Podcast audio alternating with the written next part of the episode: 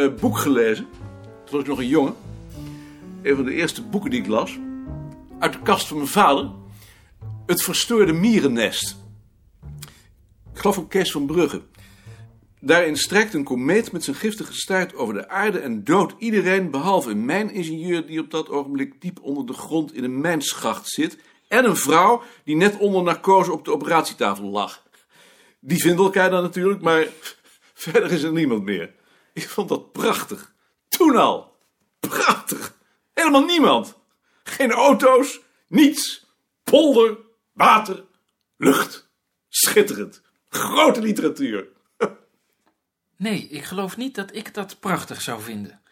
En ik denk dat jij na enige tijd ook weer behoefte aan andere mensen zou krijgen. Daar ben je veel te sociaal voor. Jullie zijn er gelukkig. Allebei.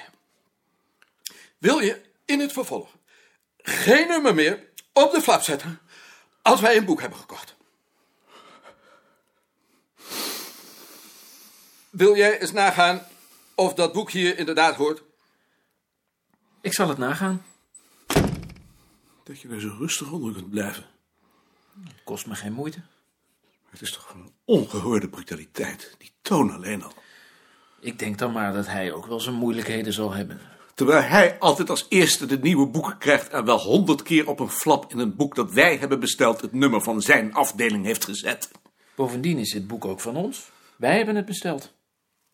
Laat eens zien. Wat doe je nou? Ik ga straks wel even met hem praten. Dan ga ik eerst maar eens even koffie drinken.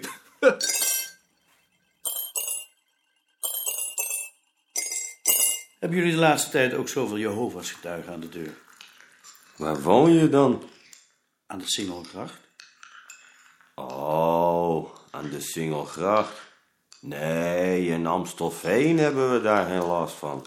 Is dat hetzelfde als de Pinkstergemeente? Want die hebben we in de Bijlmer. Nee zeg, alsjeblieft. Wat is het verschil dan? Is de Pinkstergemeente niet hetzelfde als de zevende dag Adventisten? Ook niet. Jullie weten er echt niks van.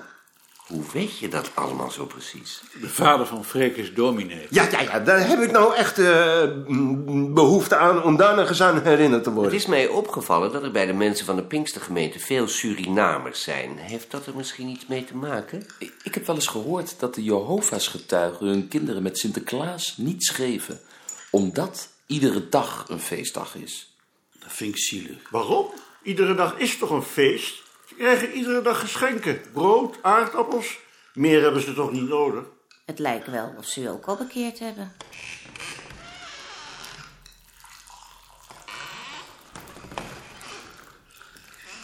Dag Maarten.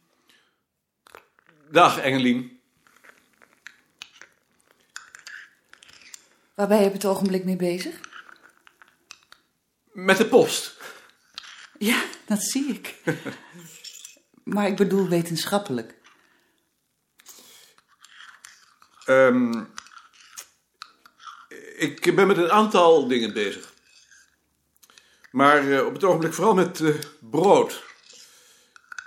Ik probeer de verschillen in broodgebruik in Nederland eh, te verklaren uit de, de sociaal-economische geschiedenis van de verschillende gebieden. Wat interessant. Ja? Ja, dat meen ik echt. Daarom vind ik het nou zo jammer dat er zo weinig contact is tussen de afdelingen. Dat zou toch interessant zijn om daar meer over te horen? Omdat wij toch ook met regionale verschillen werken. Ja, maar de cultuur van de afdeling is heel verschillend. Ik wil toch eens proberen om daar verandering in te krijgen. Probeer het eens.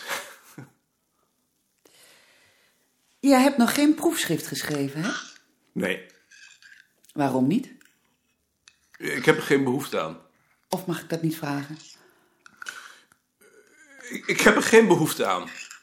Maar dan kun je toch ook geen hoogleraar worden? Ehm, dat wil ik ook niet. Nee? Jij wel? Ja, natuurlijk. Wie wil dat nou niet? Ik dus niet. Maar ik zou het ook niet kunnen hoor. Ik ga naar boven.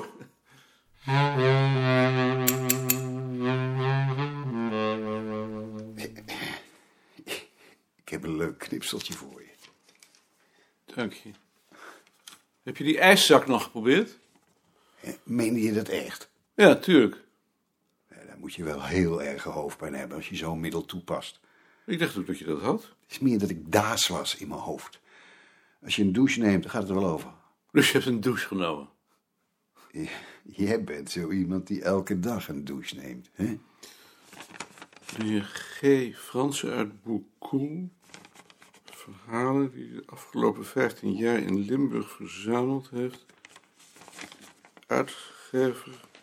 Gevonden. Bundel verschijnt nog dit najaar. Ik heb hier zijn dossier. Volgens mij zitten overeenkomsten niet in. Eh, die, ehm, die overeenkomst die alle medewerkers aan het verhalenonderzoek in 1966 hebben moeten ondertekenen. Toen ik ontdekte dat Kipperman met grof geschut onder onze duiven begon te schieten. Ehm, is dat? Ehm, dat zou heel vervelend zijn. Eh, even kijken. ehm, ik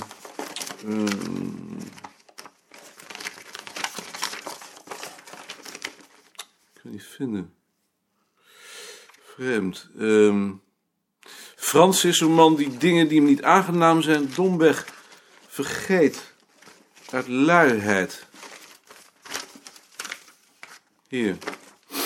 Een brief uit 1964 waarin ik aan Fransen schrijf dat de auteursrechten natuurlijk bij het bureau berusten. Omdat het bureau het initiatief heeft genomen en het onderzoek financiert.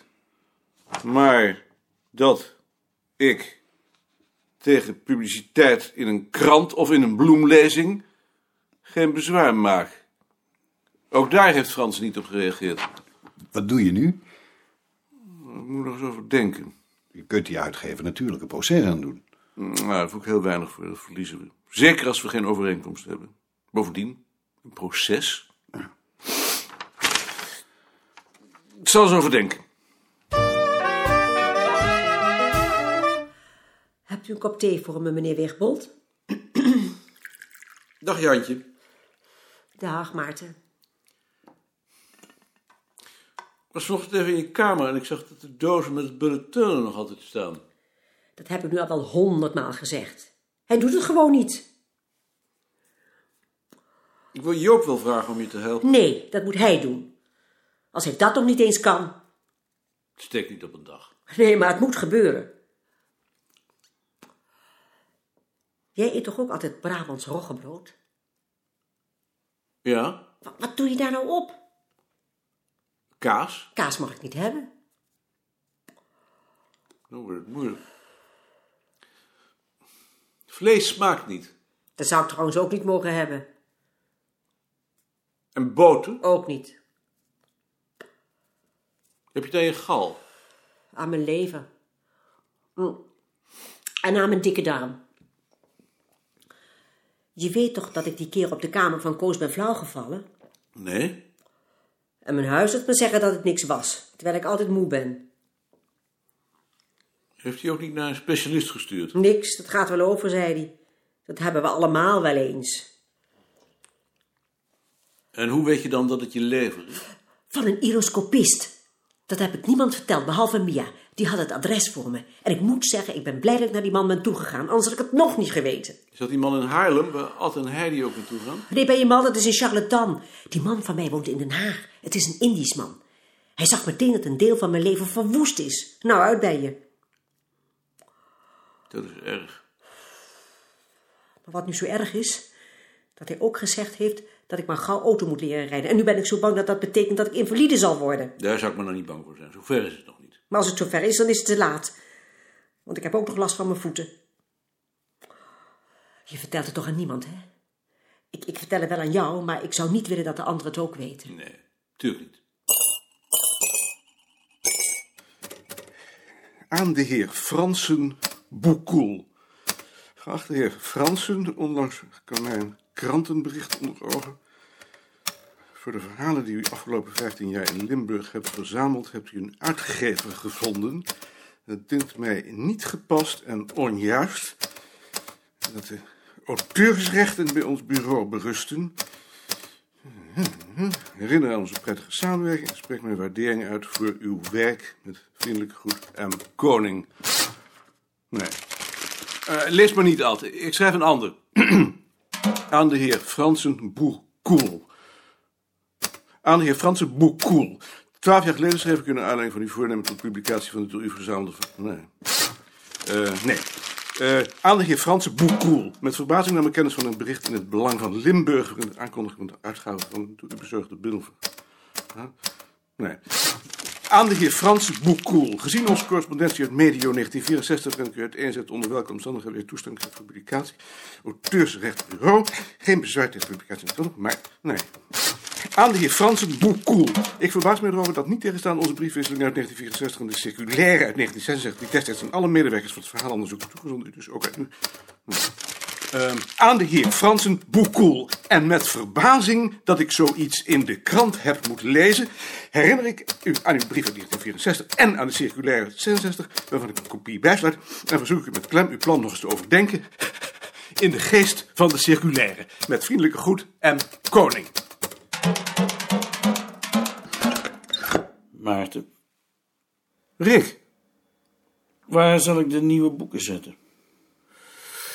Ehm, zet me op dat tafeltje. Heb je niks meer te doen? Ik heb net een brief geschreven. En zo te zien ben je daar wel tevreden over. Ja. Maar als ik over een kwartier naar huis loop, vraag ik me af waar ik me in godsnaam druk over heb gemaakt. Zo, je wou vandaag te vroeg naar huis. Was er nog wat bij? Ik zag dat jullie dat boek over Montagu hebben aangeschaft. Dat lijkt mij wel een mooi boek. Lees jij zulke boeken? Nee, lezen niet. Je leest niet. Als ik thuis ben, lees ik alleen maar stripboeken. Nee. Lees jij die nooit? Nee. Hadden op school wel jongens die Dick Bos lazen, maar dat deed je eigenlijk niet. En Bruintje Beer? Toen was ik een kind. Dan moet je toch Kuifje eens proberen.